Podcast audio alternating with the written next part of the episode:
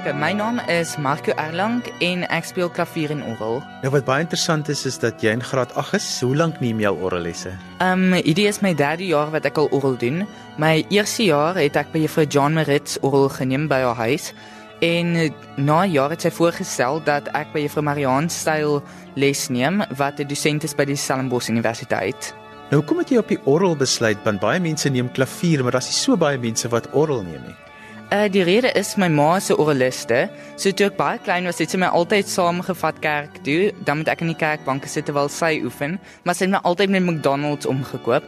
So ek het gesit in McDonald's eet terwyl sy oefen en so het my liefde vir die orgel begin.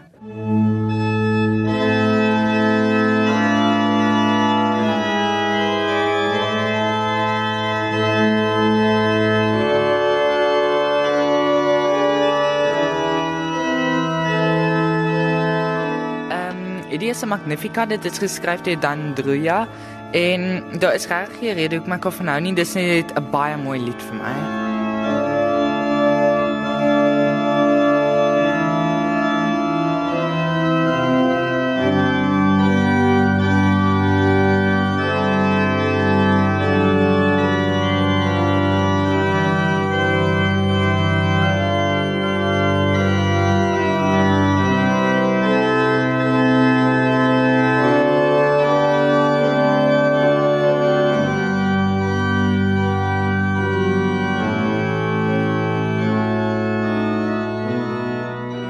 Ek is Marianne Styl.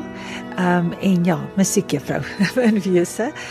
Uh hy het klavier geneem by my vriendin Jean Maritz vir jare. Hy's 'n baie goeie pianis en sy self 'n orgelis en sy het vir hom so 'n jaar of 2 orgel gegee en van daar af het hy na my toe gekom en ek het dit toe nogal ernstig opgeneem en dis 'n groot passie vir my en die kind vorder eenvoudig pragtig. Uh hy het hy hy het 'n baie goeie werk vermoë, 'n musikaal baie intelligent en ek dink dit is vir hom baie lekker en daarom vorder hy ongelooflik goed. Dit moet nog 'n bietjie van 'n uitdaging wees vir iemand om in graad 8 alreeds die orgel te probeer bemeester. Ja, dit is vir my baie opwindend om uh, om vir hom orgel te gee die fisiese grootte van 'n kind is natuurlik altyd 'n probleem. So mens moet jou onderrig aanpas by dit wat jy kry en ek dink hy's nou al in sy tweede jaar by my. Ek kan nou nie presies onthou nie. Ehm um, maar ja, aanvanklik moet jy nou nou maar werk rondom die liggaamse grootte, maar hy's besig om 'n mooi jong lang lang man te word. So die voete kom lekker by, so ons kan lekker vinnig werk nou. Tegnies, hoe verskil dit vir 'n leerder om klavier te speel en dan orgel te speel want dit is twee totaal verskillende instrumente. Definitief. Gelukkig uh benadeel die een nie die ander nie. Dit is vir my baie maklik om vir Marco um in 'n goeie orgelis te omskep omdat sy klavieronderrig so goed is. Uh en 'n sterk pianistiese vermoëns help jou in orgel, maar dan is die aanslag van Orrel definitief anders en en en gelukkig sy musikaliteit en sy intelligensie help om om die verskil te snap. Maar uit ondervinding weet ons dat dit nie mekaar benadeel nie, maar eintlik bevoordeel. Iets wat my altyd stom slaan van orreliste is die pedaalwerk. Ja, ek moet sê ons lyk nogal so 'n bietjie so seekatte, né?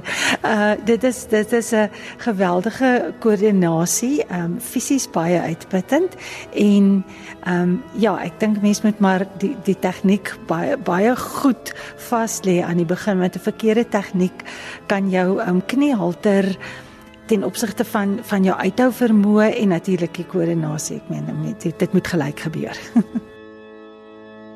Ek wil net vinnig die klank reg kry. Uh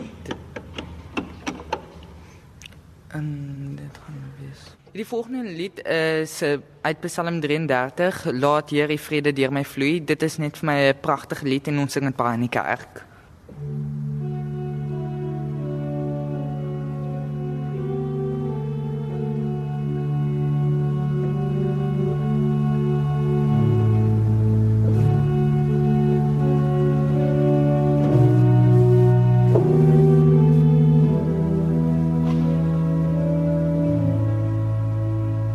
Nou waar het jy al oral opgetree met die orgel?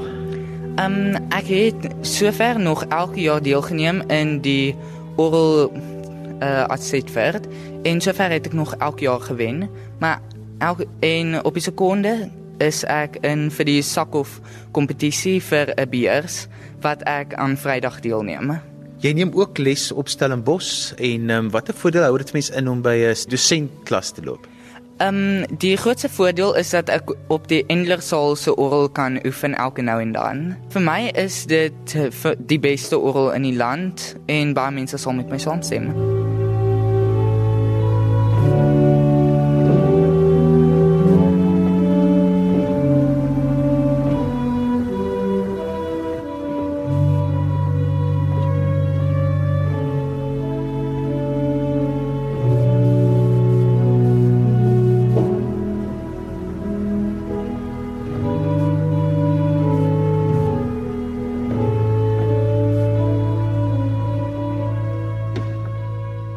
Hoekom dink jy is dit so besonder om 'n orgelis te wees? Ehm um, die grootste rede is daar is nie baie mense wat die orgel speel nie. So ek wil baie graag die orgel terugbring in die volgende generasie in. Nou die uitdaging van orgel is is dat jy met al twee hande en met die voete moet speel. Vertel 'n bietjie vir ons van daai ervaring. Ehm um, vir my is dit net fantasties. Dit is so lekker om 'n mens se voete uiteindelik te kan meer gebruik. Nou jy's nie baie lank nie, so as jy so agter hierdie orgel inskuif, dis 'n dis 'n reuse instrument. Hoe laat dit 'n mens voel? Ehm um, vir my maak dit my net baie opgewonde.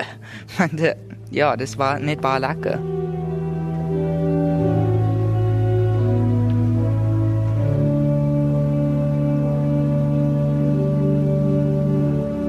En wat is jou toekomsplanne? Ehm uh, my toekomsplanne is dat ek die beste orgelis kan raak wat ek kan raak eendag en ja.